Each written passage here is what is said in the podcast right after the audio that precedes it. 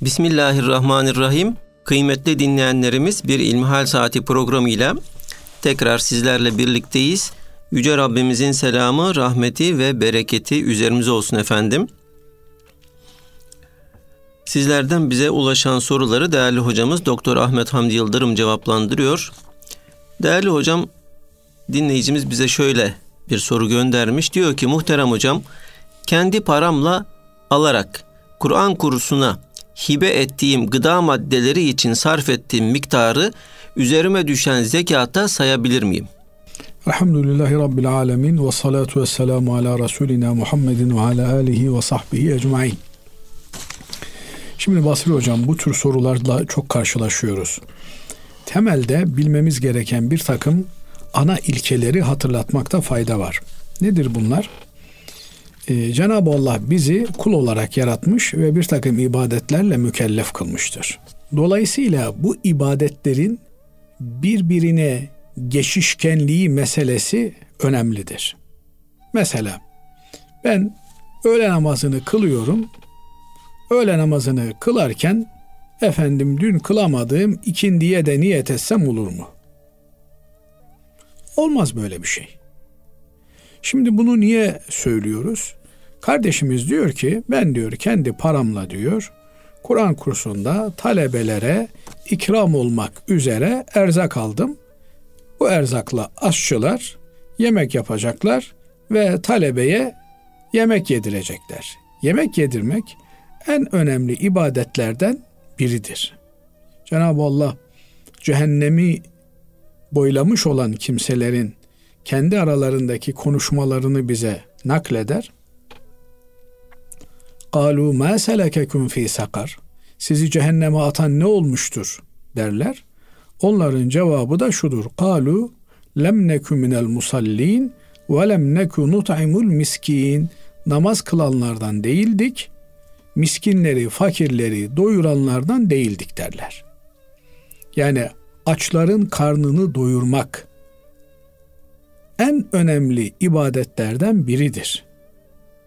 Şimdi durum böyleyken ben hem fakir fukaraya yemek ikram edeyim hem de malımda fakir fukaranın hakkı olan bakın Cenab-ı Allah diyor ki ve fi emvalihim hakkun malum lissaili vel mahrum. Zenginlerin mallarında fakir fukaranın isteyenin istemeyenin hakkı vardır diyor.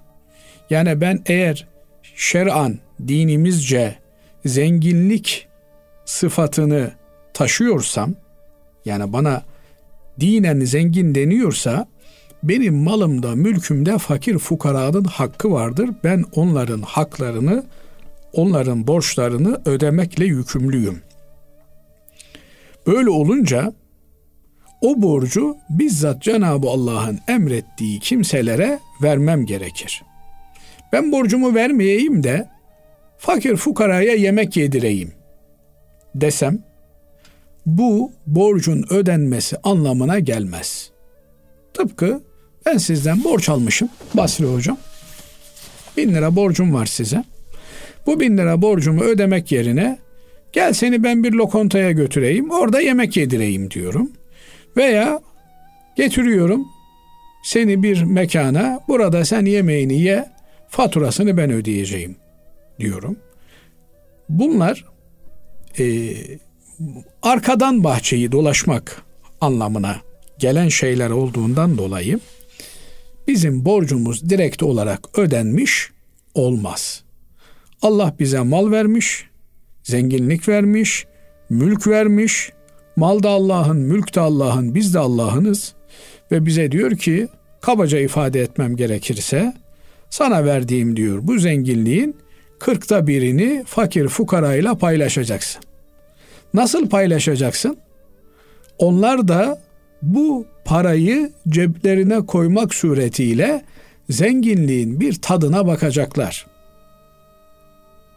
Efendim ben sana parayı vermeyeyim ama seni zengin sofralarında doyurayım. Efendim şöyle yapayım, böyle yapayım. Olmaz. Binaenaleyh bu kardeşimiz eğer fakir fukarayı doyurmak gibi efendim Kur'an kursundaki talebelere yemek ikram etmek gibi bir ibadete niyet etmişse bu ibadet güzel, sevaplı bir ibadettir. Değerli hocam hani zekatımı vermek niyetiyle e, bunu yaparsa atıyorum efendim e, bir ton işte e, pirinç verdi. Kur'an kursuna kullanılmak üzere yemekhanesine zekatım olarak bir ton pirinç vermeye niyet etti. Şimdi bu arkadaşımız pirinç ticareti yapıyorsa efendim bakliyat işi yapıyor. Kuru gıda işi yapıyor. Bu adam zekatını ticaretini yaptığı mal üzerinden öncelikle verecek. Pirincin kırkta birini zekat olarak verebilir. Efendim buğdayın kırkta birini, nohutun kırkta birini zekat olarak verebilir. Yani hangi malın ticaretini yapıyorsa o malın kendisinden zekatını verebilir. Kime verebilir? Fakir fukaraya ayni olarak verebilir. Binaenaleyh bunu yine fakir fukaranın evine, eline teslim etmesi gerekir. Ben bir aşevine vereyim. Aşevinde burada millet otursun yemeğini yesin şeklinde olursa buna biz ibaha diyoruz. Yani faydalandırmak. Burada yemeği yiyor fakir ama o yemek onun mülkiyetine geçmiyor. Böyle olunca ortada bir sakatlık var demektir. Fakat bu kimse efendim az önce ifade ettiğim gibi bakliyat işi yapıyor. Ticaretini yaptığı malın bir kısmından zekatını ödeyecek, aynı olarak ödeyecek. Bunu da zekat olarak vermek istiyor. Ne yapabilir? Kendisine geliş fiyatından bu malın bedelini hesaplar. Efendim bir ton pirinç kaç lira ediyor? 15 bin lira ediyor diyelim. Bir Kur'an kursuna, bir talebe yurduna gider der ki kardeşim burada aidatını ödeyemeyen kimse var mı? Aman efendim ne demek zaten talebenin dörtte üçü aidatını ödeyemiyor. Aidatını ödeyemeyenlerin birkaç tanesinin ismini bana verin. Ben onlar adına size aynı bağış olarak aidatlarını ödemiş olayım. Böylelikle söz gelimi Ahmet Hamdi Yıldırım yurtta okuyan bir talebe, kalan bir talebe aidatını ödeyemiyor. Aylık 2000 lira aidat borcu var. Efendim kaç ay kalıyor yurtta? 9 ay kalıyor. 18 bin lira bir borcu var.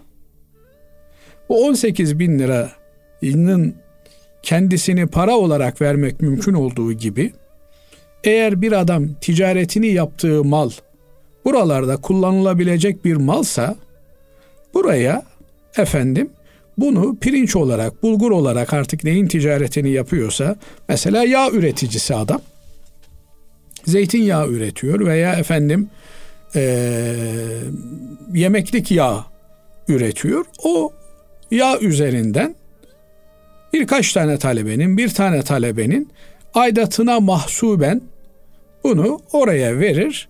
Böylelikle onun zekatı bir fakirin eline geçmiş gitmiş olur. olur, geçmiş olur. Burada hatırlatılması gereken bir diğer mesele de efendim ben demir işi yapıyorum veya araba lastiği işi yapıyorum. Benim ticaretini yaptığım ürün fakir fukaranın işine yarayacak bir ürün değil. Yani ben şimdi lastik üretiyorum diyelim. 40 lastikten bir tanesini zekat olarak vermem lazım. E bu sene kaç lastik vermem lazım? Söz gelimi 10 bin lastiği zekat olarak vermem lazım.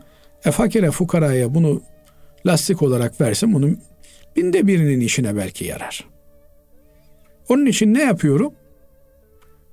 Ticaretini yaptığım malın kendisinden, aynından değil de onun değeri üzerinden nakit olarak zekatımı veriyorum.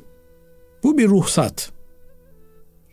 Efendim ben araba lastiği ticareti yapıyorum.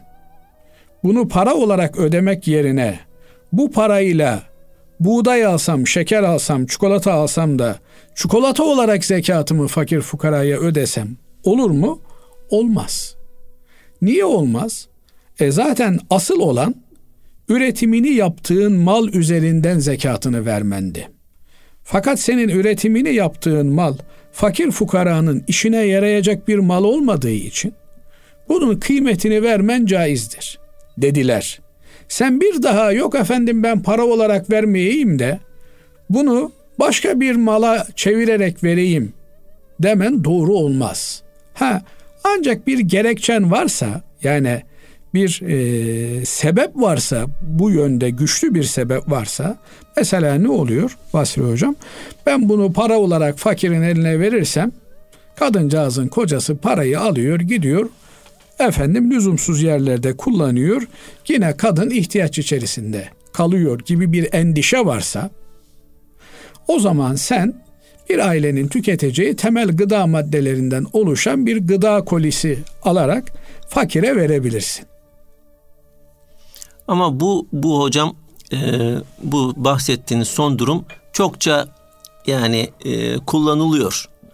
Yani bilip bilmeden hani aileleri tanıyıp tanımadan işte e, şey yapılmasın diye böyle bahsettiğiniz durumlarda olmasın diye yani genellikle gıda e, veriliyor.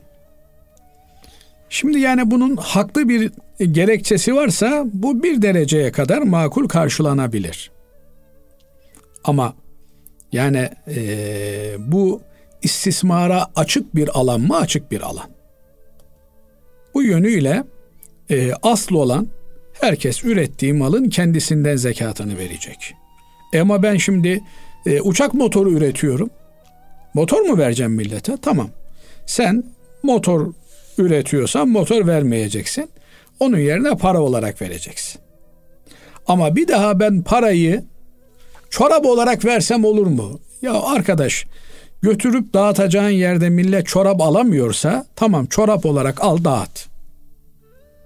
Veya işte e, çocukları sevindirmek istiyorum ben bunu çocuklara vermek istiyorum para olarak verirsem çocukların velileri bu parayı ellerinden alırlar diye düşünüyorsan elbise olarak al dağıt. Ama öyle değil de e, işte başka bir takım sebeplere dayalı olarak böyle bir ikinci, üçüncü dönüşüm doğru olmaz kanaatindeyim.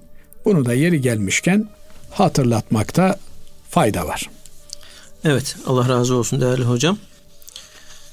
Efendim şimdi e, uzunca bir e, sorumuz var. E, değerli kardeşimiz bize halini arz etmiş. Ben e, okumak isterim. Dinleyicilerimiz de e, hem e, öğrenmiş olurlar. Selamünaleyküm. Ben sözleşmeli memur olarak göreve yeni başladım. Sahil güvenlik olarak göreve branşlı olarak başladım fakat benim branşımda deniz görevi olduğunu bilmiyordum. Sonradan öğrendim. Bir yıllık az subaylık eğitimi aldım. Eğitim esnasında e, bırakmak istedim fakat ailem ve komutanlarımın baskısıyla vazgeçtim. Komutanım mesleğe başlayıp yapamazsam ondan sonra bırakabileceğimi söyledi. Dua ettim hayırlı değilse gönlümden soğusun diye dua ettikçe meslek gönlümden daha da soğudu. Sözleşme imzaladım. Şu an görevdeyim fakat bırakmak istiyorum. Ev tutmam yasak, dışarı çıkmam yasak. Kıyıda olmamıza rağmen küçük bir geminin içinde zorunlu olarak kalıyoruz. Özel hayatımıza bile karışılıyor. Nişanlıyım, evleneceğim fakat evlenemiyorum. 6 ay kadar ya da komutanın isteğine göre gemide kalma durumu olduğu söylendi. Fakat diğer gemilerde izin verenler, ev tutup evde kalabilenler var. Ve ortam içimi rahat ettirmiyor, çoğunluk alkol kullanıyor ve namazlarımı rahat kılamıyorum. Ailemin de içi rahat değil, hiç mutlu değilim, mesleği yapmak istemiyorum, zorla duruyorum. Diye devam ediyor hocam.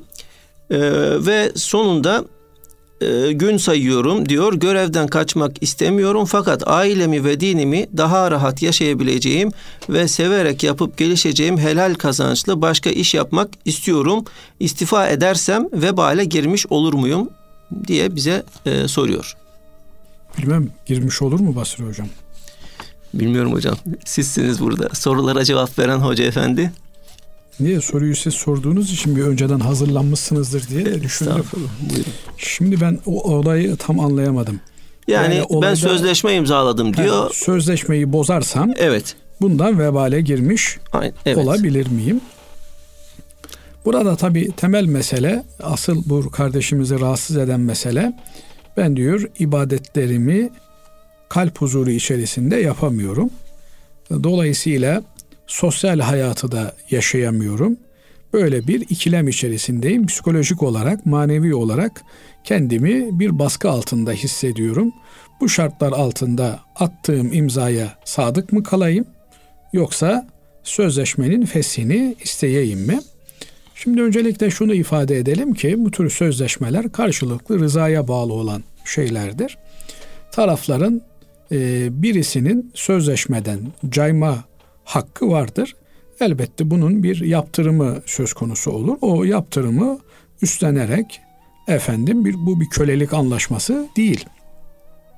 Binaenaleyh eğer e, karşı tarafa bir zarar vermesi söz konusu olmuşsa onun bedelini öder veya işten kendi ayrıldığı için efendim bir takım e, tazminat haklarından mahrum kalarak. Evet onları da yazmış hocam arada. 3 yıllık sözleşmem var. Sözleşmeyi feshedip bırakmak istiyorum. Bırakırsam tazminat gibi haklarımdan vazgeçeceğim. Sadece şu ana kadar aldığım maaş bende kalacak diyor. Evet yani dolayısıyla bu çok medeni bir hakkı. Kimse e, angarya altında kalmak durumunda değil. Angarya anayasal bir suç zaten Türkiye'de de. Binaenaleyh eğer bu kardeşimiz çalıştığı yerde kendini huzurlu hissetmiyorsa, ibadetlerini yapma noktasında bir zorluk çektiğini düşünüyorsa, ailesiyle vakit geçiremediğini düşünüyorsa, o zaman böyle bir e, zorlamayı kendisine daha fazla dayatmamalı. Benim de kanaatim sözleşmeyi sonlandırmalı. Elbette bu tür kritik noktalarda çalışan kimseler işte ben e, selamun aleyküm gidiyorum türünden bir çıkışta çıkmazlar. Bunun da belli bir e, ön haber verme süresi vardır. iki hafta, üç hafta, bir ay neyse. Onu da tamladın, tamamladıktan sonra helalleşerek bulunduğu yerden ayrılır. Dolayısıyla ben bir yerde üç sene çalışmak üzere imza attım diye orada kahren üç sene çalışması lazım gelir diye bir şey söz konusu değil. Ha şu olabilir. Eğer bir yerde ifa etmiş olduğu, yerine getirmiş olduğu vazifeyi ondan başka yapacak kimse yoksa o zaman onun orada bulunması vatani bir zorunluluk haline gelir. Ama memleketimizde öyle bir durum söz konusu değil. Zaten e, onun ayrılmak istediği yere talip olan yüzlerce insan vardır. Onun boşluğunu çok rahat bir şekilde doldurabilirler. Binaenaleyh bu yönüyle de kendisini bir vicdan azabı altında görmesine de lüzum yok. Fakat e, eğer mesele ben buradan ayrılırsam e, memleketin güvenliği tehlikeye girer türünden bir mesele ise o zaman orada varlığı bir zorunluluk haline gelir. Böyle bir zorunluluk söz konusu olduğunda diğer e, haklarından efendim e, vecibelerinden de bir nebze e, mahrumiye söz konusu olabilir. Mesela bu sadece askerler için de geçerli değil. Evde mesela ağır yatalak bir hastanız var. Siz onun yanından ayrılamıyorsunuz. Cuma namazına gitmezsiniz. Yani yanında oturur, yanında namazını eda edersin, kılarsın. Efendim yine sen namaz kılarken aniden fenalaştı, rahatsızlaştı. Efendim acilen müdahale etmen lazım geldi. Hele ben şu dört rekatlık namazımı bitireyim de ondan sonra müdahale edeyim. Yine demezsin namazını bozar. Hemen e, müdahaleni yaparsın veya e, doktorsun veya e, sağlık çalışanısın, acilde çalışıyorsun. Elbette e, ne kadar yoğun mesain olursa olsun bir abdest molası, bir namaz molası verebilecek kadar bir zamana e, sahiptir insanlar. Ama sen moladasın, acilen bir trafik kazası e, haberi geldi, yoğun bir e, akın oldu acile. E ben namazımı kılıyorum bekleyin beni demezsin namazını bozarsın hemen duruma vaziyet edersin. Binaenaleyh böyle bir aciliye söz konusu olmadığı sürece herkesin yeri doldurulabilecek durumdadır. E ben yapmazsam benim yerime bir başkası gelir yapar. Mamafi gönül ister ki bu tür vazifelerin icrasında da e, gerekli düzenlemeler alınsın ve insanlar psikolojik olarak rahat çalışabilecekleri bir ortama kavuşsunlar. Kimse böyle kahrederek e, efendim kendisini mutsuz hissederek çalışmak durumunda kalmasın. Kaldı ki bazılarına ağır gelen efendim sahilde gemiden çıkamıyoruz. Bir başkasına zevk haline gelebiliyor. Bazıları da oldukları yerden ayrılmamayı, bir vazife icra ediyor olmayı önemseyebiliyorlar. Binaenaleyh herkes kendi fıtratına uygun olan bir iş edinmeye bakmalı. Helalinden hak ve hukuka riayet ederek kendisinin ve mesul olduğu ailesinin rızkını temin etmeye gayret etmeli. Değerli hocam, e, şimdi aklıma geldi siz konuşurken e, güvenlik e, işi yapan kardeşlerimiz var. Bunların cuma namazı durumları nasıl olacak? Yani cuma namazına gidemedikleri hallerde yani cuma farziyeti üzerlerinden sakıt olacak mı? Öğlen namazıyla mı e, mesul olacaklar? Tabi öncelikle şunu ifade edelim ki cuma namazına gidemeyen bir kimse cuma namazı öğle namazının yerine kılınıyordu. Öğle namazını dört rekat olarak kılar. Şu kadar var ki e, namazı geciktirir. Camide namaz, cuma namazı bittikten sonra tek başına kılar. Fakat bazen güvenlikti vesaireydi meselelerde fazla abartıldığını olayın görüyoruz. Yani şimdi çok hassas noktalardaki güvenlik icra eden kimselerin efendim e, vazifeleri e, önemli olabilir. Ama parkta bekçilik yapan bir adam ya neyin güvenliğini bekliyorsun sen? Yani şu yanındaki camiye 10 dakika gitsen cuma namazını kılsan ne olur?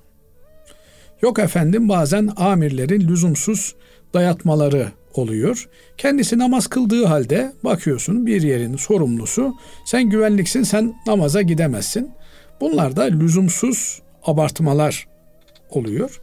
Binaenaleyh bir insan öncelik olarak hayatında bir takım şeyleri belirlemeli. Bir Müslüman olarak önceliğimiz ibadet hayatımızdır. İbadet hayatımızdan taviz vermemiz mümkün değil. Evet efendim e, askeri bir noktada çalışıyor olabilirsiniz, emniyette çalışıyor olabilirsiniz, hassas bir noktada çalışıyor olabilirsiniz. Burada da cuma e, vakti nöbetlerinizin üst üste gelmemesine dikkat etmeniz gerekiyor. İki haftada bir Tamam cuma namazı e, sizde nöbete denk geldi. Hakikaten hassas bir noktada görev yapıyorsunuz. Ülkemizde de e, takdiri ilahi e, haindi, efendim e, zalimdi eksik olmuyor. Özellikle de bazıları Müslümanların ibadetlerinin yoğun olduğu zamanları kolluyorlar.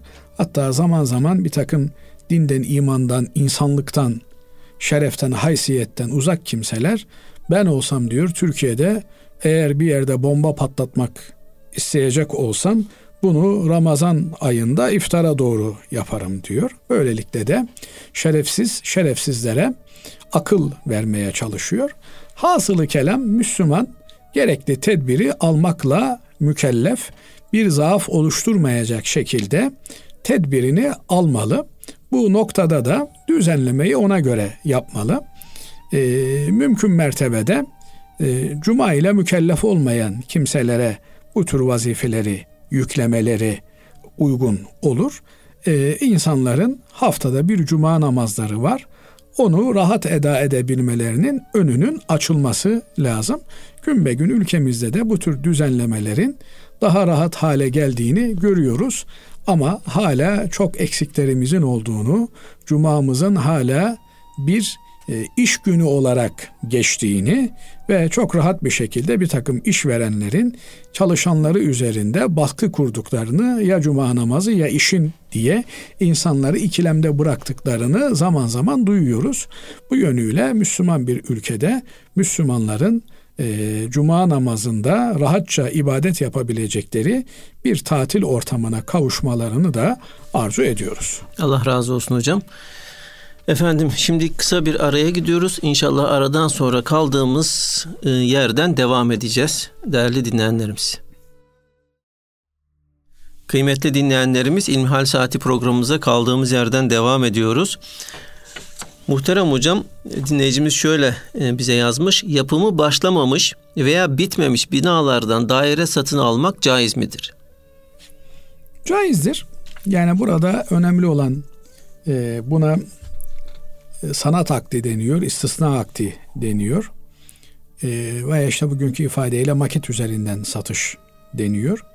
Ne tür bir e, daire alacağınızın tespit edilmesi, yerinin, katının e, efendim belirlenmiş olması gerekir. Bir standart çerçevesinde e, belirlenen bu konut alınabilir. Burada tabii e, şimdi temel problemimiz kavga gürültü çıkartmayacak şekilde her şeyin net olarak belirli olmasıdır.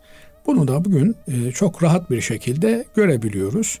Maketler üzerinden de görülebiliyor, örnek daireler üzerinden de görülebiliyor. Efendim çizimler üzerinden de görülebiliyor. İnşaatta kullanılacak en ince detayına varıncaya kadar hepsi şartnamede belirtilebiliyor. Binaenaleyh bu gibi e, sözleşmeler çerçevesinde e, alım satım yapılmasında bir problem yok. Yeter ki bunun sağlam bir şekilde belirlenmiş olduğunu görelim. Bazen tabii burada e, bir takım açıklar meydana geliyor ve bu açıklar üzerinden insanlar mağdur edilebiliyorlar. Bunlar e, aktin kendisiyle ilgili değil de e, aktin güzel kurulamamasıyla ilgili meselelerdir. Yoksa ortada bir daire yok. Bunun neresi satışı caiz olacaktır türünden bir e, ifade doğru olmaz. Terziye de gidiyoruz, ölçümüzü veriyoruz. İşte diyoruz ki bize bir e, takım elbise dik, bir cübbe dik diyoruz, bir şalvar dik diyoruz.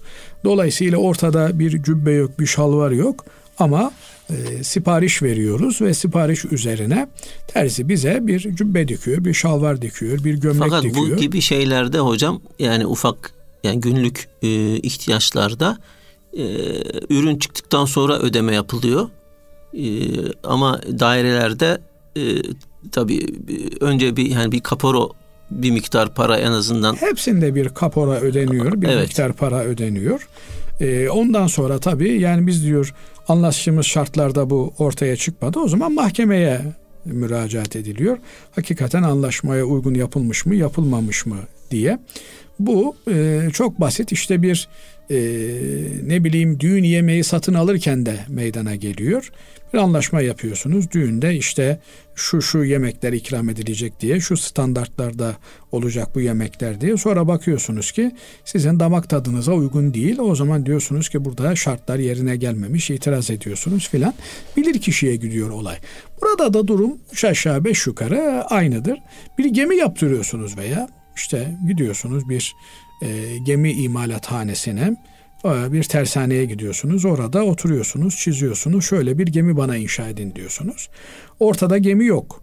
E, binaenaleyh böyle bir sözleşme buna istisna akdi diyoruz tekrar ifade etmem gerekirse.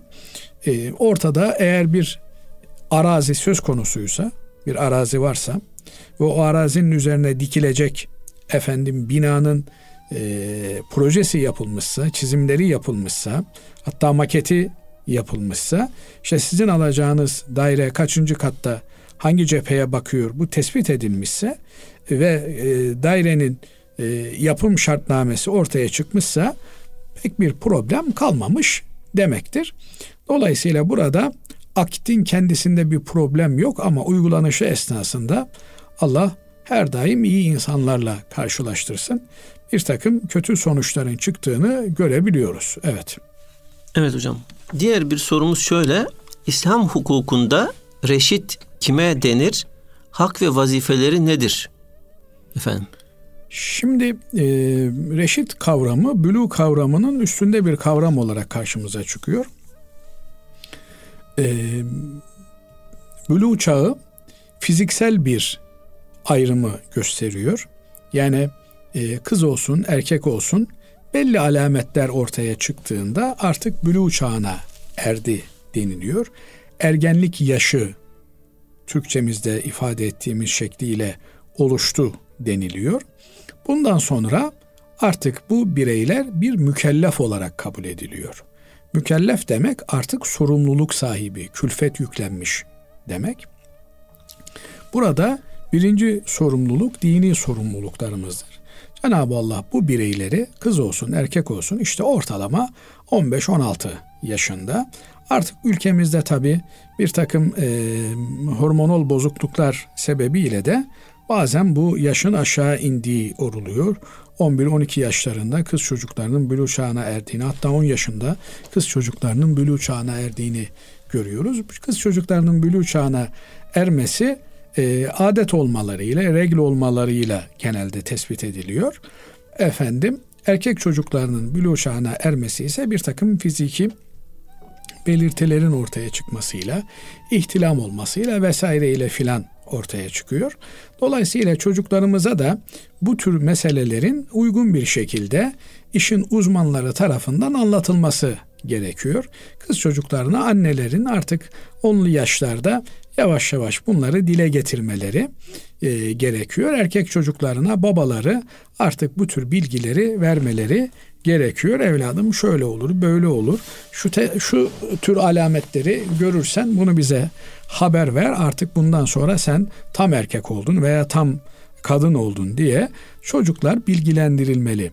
Mamafi işte e, bunun azami sınırıyla ilgili e, Osmanlı'da aile hukuku kararnamesinde de 17-18 yaş kızlarda 17 erkeklerde 18 yaş en üst limit olarak görülmüş. Bundan sonra artık herkesin bülü çağına erdiği kabul edilir. İsterse fiziki alametler, belirtiler görülmemiş olsun denilmiştir. Çünkü bundan sonra artık binde bir ihtimal bu yaşa geldiği halde e, ergenlik söz konusu olmamış bireyler düşünülebilir diye.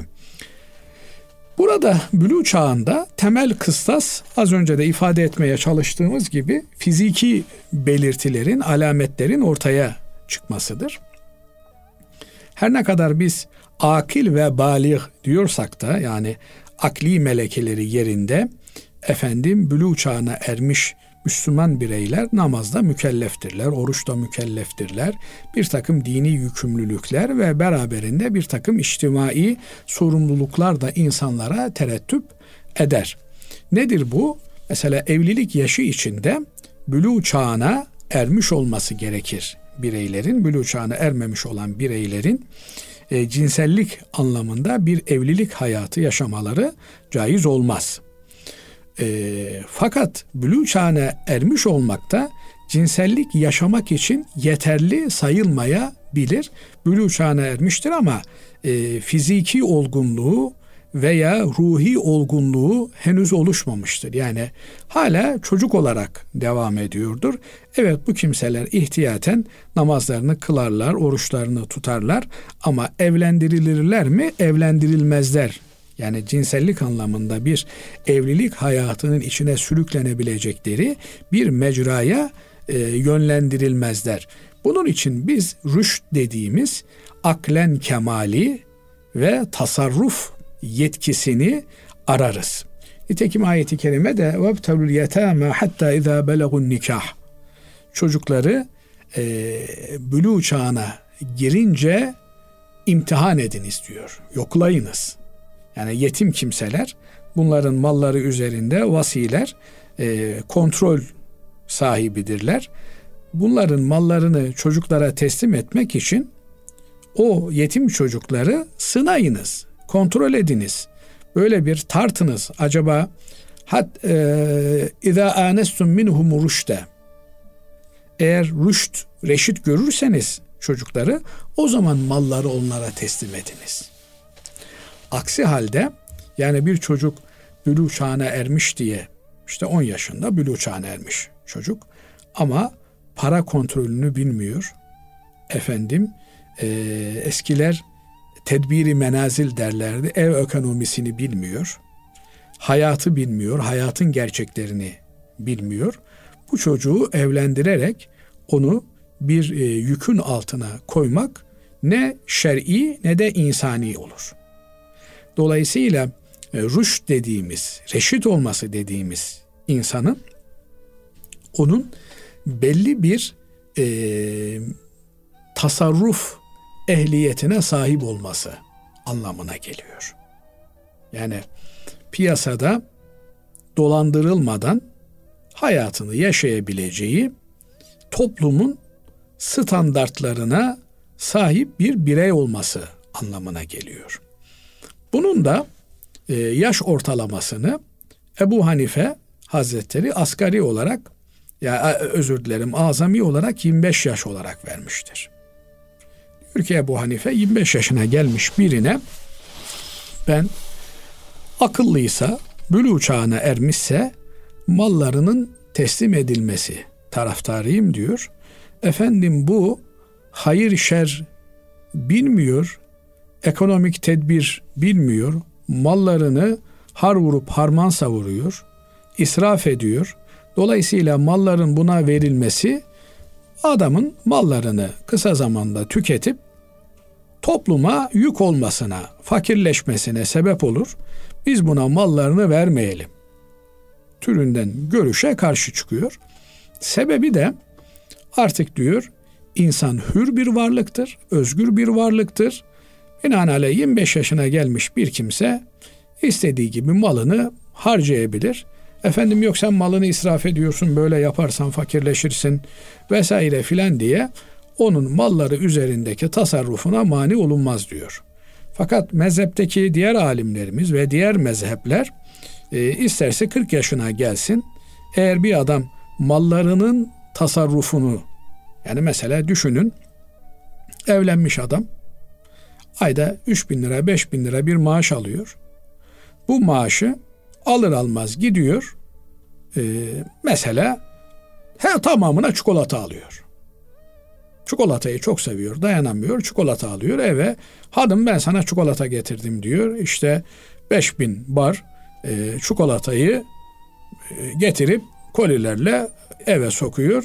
Hanım diyor ki e bey diyor kira ödeyeceğiz. Kirayı nasıl ödeyeceğiz? Aa bak hiç aklıma gelmedi diyor. İşte bu adam bülü uçağına ermiş. Aklı da var. Çalıştığına göre aklı var yani. Ama iş bilmiyor. Reşit değil. Yani hayatını çekip çevirebilecek bir e, melekeye sahip değil. Bu gibilere sefih diyoruz. Yani mal yönetimini bilmeyen insan anlamına geliyor bunlar. Bunların eline paranın verilmeyeceğini söyler ağırlıklı olarak fakihlerimiz. Bunlar çalışırlar ama para eğer e, evde hanım akıllı bir hanımsa ki buna dikkat etmek gerekir. Yani bu kimseler evlendirilmez mi? Evlendirilirler. Ama hiç olmazsa yani karı kocadan birinin az biraz akıllı olması lazım gelir. İkisi de akıllı olursa problem. Kavga çıkar orada. Ama biri benim gibi esnek, diğer tarafı akıllı olursa orada süt liman hayat devam eder. İkisi de akılsız olursa orada da sıkıntı. Mamafi e, böylelerine e, çekip çevirebilecek aklı başında bir eş bulunduğunda e, maaş o hanıma teslim edilir. Dolayısıyla evin çekip çevirmesini o hanımlar yapar. Burada temel kriter insanların e, kendi iradelerine hakim olamayıp önlerini görememelerinden kaynaklı sıkıntıya girmelerine mani olmaktır. Fakat Ebu Hanife Hazretleri'nin baktığı nokta da bunun su istimali açık olmasıdır. Mesela bakıyorsunuz iki kardeşten biri biraz bu yönüyle zayıf, öbürü cin gibi maşallah kurnaz. E, bütün mal varlığını o yönetiyor, öbürüne karın tokluğuna çalışacak kadar bir şeyler veriyor. Bu tür şeylerin önüne geçmek için Ebu Hanife Hazretleri insanın kendi mal varlığı üzerinde özgür olduğunu isterse israf eder, isterse tasarruf eder dediğini görüyoruz. Fakat bugünkü e, noktayı nazardan da baktığımızda bu gibi kimselerin e, mallarının mutlak surette ellerine teslim edilmesinin daha sonra bunlar açısından da sıkıntı doğuracağını düşünerek ya kendilerine bir vasi tayin edilir veya işte e, mal varlıkları kontrollü olarak kendilerine verilir. Maaşlarının tasarrufu hanımlarına bırakılır. Burada da tabi e, adamcağızın rızasıyla bu işlerin olması uygundur. Böyle olması hem e, şeriatımıza hem de bu insanların e, kendi maslahatlarına uygun olan bir davranıştır. Bilmiyorum e, sorunun muhtevasının dışına mı çıktık? Ama reşit olması demek bir insanın bu yönüyle e, yararını zararını ön görebilmesi demektir. Evet. Peki hocam bir de e, bunama halinde yani ileri yaşlılıkta bunama halinde e, bir kişiye vasi tayin edilebilir mi İslam hukukunda? Tabii yani e, bunama her dönemde söz konusu olabilir. E, bazen israf yoğun bir hayatın içerisine girmiş olan kimselere de bu yönüyle e, müsrif olmaları gerekçesiyle mahkeme eğer çoluk çocuğu perişan oluyorsa işte az önce verdiğimiz misalde olduğu gibi adamcağız 10 bin lira maaş alıyor ama aldığı parayı hemen gidiyor işte lüzumsuz bir yerde harcıyor çoluğu çocuğu bir ay ondan sonra e, muhtaç hale geliyorlar. Bu gibi durumlarda da e, mahkemeye müracaat edilir ve mahkeme vasi tayin edebilir. Yani mal varlığı üzerindeki tasarrufunu e, aklı başında güvenilir bir kimseye havale edebilir. Mamafi özellikle de günümüzün e, hastalıklarından olan demanstır, Alzheimer gibi ileri düzeydeki bu hastalıklar kişilerin mal varlıkları üzerinde hatta kendileriyle ilgili e, tasarruflarında bir takım tutarsızlıkları ortaya çıkarttığı için, hatırlayamadıkları için, ne yaptıklarını bilmedikleri için bunlara mahkemeye müracaat edilmek suretiyle vasi çıkartılabilir. Ama bir adam 100 yaşındadır fakat akli melekeleri yerindedir. E, mal varlığı üzerinde istediği gibi tasarruf edebilir. Çoluk çocuğunun parayı biz kullanalım, babamız kullanmasın. Babamız kullandığında işte e, ona buna yardım ediyor. Bunun önüne geçelim diye haksız yere babalarına vasi tayin ettirmeleri onların cehennemlik olmalarından başka bir sonuç doğurmaz. Fakat e, hakikaten artık akli melekelerini kaybetmişse bir kimse e, hakkaniyet çerçevesinde bunlara vasi tayin ettirilebilir mahkeme üzerinden. Evet değerli hocam e, bugünkü son sorumuz da e, şöyle. E, son aylarda çok büyük orman yangınları da olmuştu. Zannedersem dinleyicimiz bunlardan hareket ederek tabiata zarar vermenin İslam açısından günahı var mıdır diyor. Yoksa bu sadece hukuki bir şey mi doğurur, bir ceza mı doğurur diye sor, soruyor. Yani bizim açımızdan hukuki ceza dini ceza demektir. Cenab-ı Allah e, bütün mahlukatı, bütün evreni yaratmıştır. Biz yaratılmışları yaradandan ötürü severiz diyen Yunus'un dillendirdiği bir medeniyetin çocuklarıyız. Dolayısıyla yaratılışa müdahale etmenin her türlüsü haram kılınmıştır. Binaenaleyh e, sebepsiz bir yere yani insanlığın faydası olmayacak bir şekilde doğada bir eylem yapmak da yasaklanmıştır.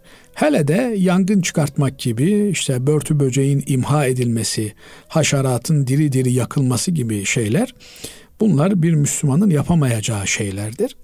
Bazı şeylere dünyada bir e, cezanın verilmemiş olması bunların basit olduğu anlamına gelmez. Yani mesela orman yakan bir insana bir ceza verilmemiştir. Şimdi baktığınızda fıkıh kitaplarımızda da hadis kitaplarımızda da orman yakanın kafasını kesin, elini kesin, ayağını kesin, efendim 10 gün hapse atın, ömür boyu ceza verin diye bir ceza yoktur. Fakat bunun olmaması Bu işler ya cezasız işlerdir anlamına gelmez. Bunlar insanlıkla bağdaşmayan şeyler olduğu için bunlara ceza vermek aslında bunların sanki yani hoş görülebileceği anlamına gelir. Bir şeyin aslında cezasının olması onun makul olduğu anlamını da doğurabilir. Yani yapılabilen şey ki bu bir ceza verilmiş buna. Akla gelmiş ki bir ceza verilmiş.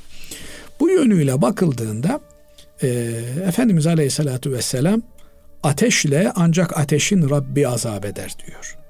Birine ateşle azap etmek bir Müslümana yakışmayacak bir şeydir ve insanı Allah muhafaza etsin cehennemlik olmaya götürecek bir eylemdir.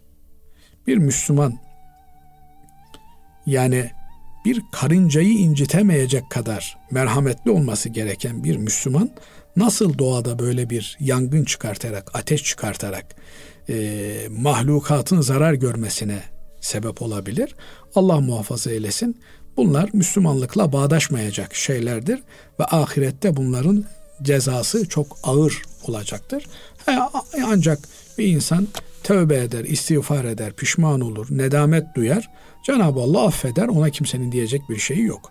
Fakat böyle bir vahşiliği, böyle bir caniliği e, bir Müslümanın yapması mümkün değildir. Allah muhafaza eylesin. Evet. Allah razı olsun efendim. Kıymetli dinleyenlerimiz bugünkü İlmihal Saati programımızın sonuna ermiş bulunuyoruz. Hepinizi Allah'a emanet ediyoruz efendim. Hoşçakalın.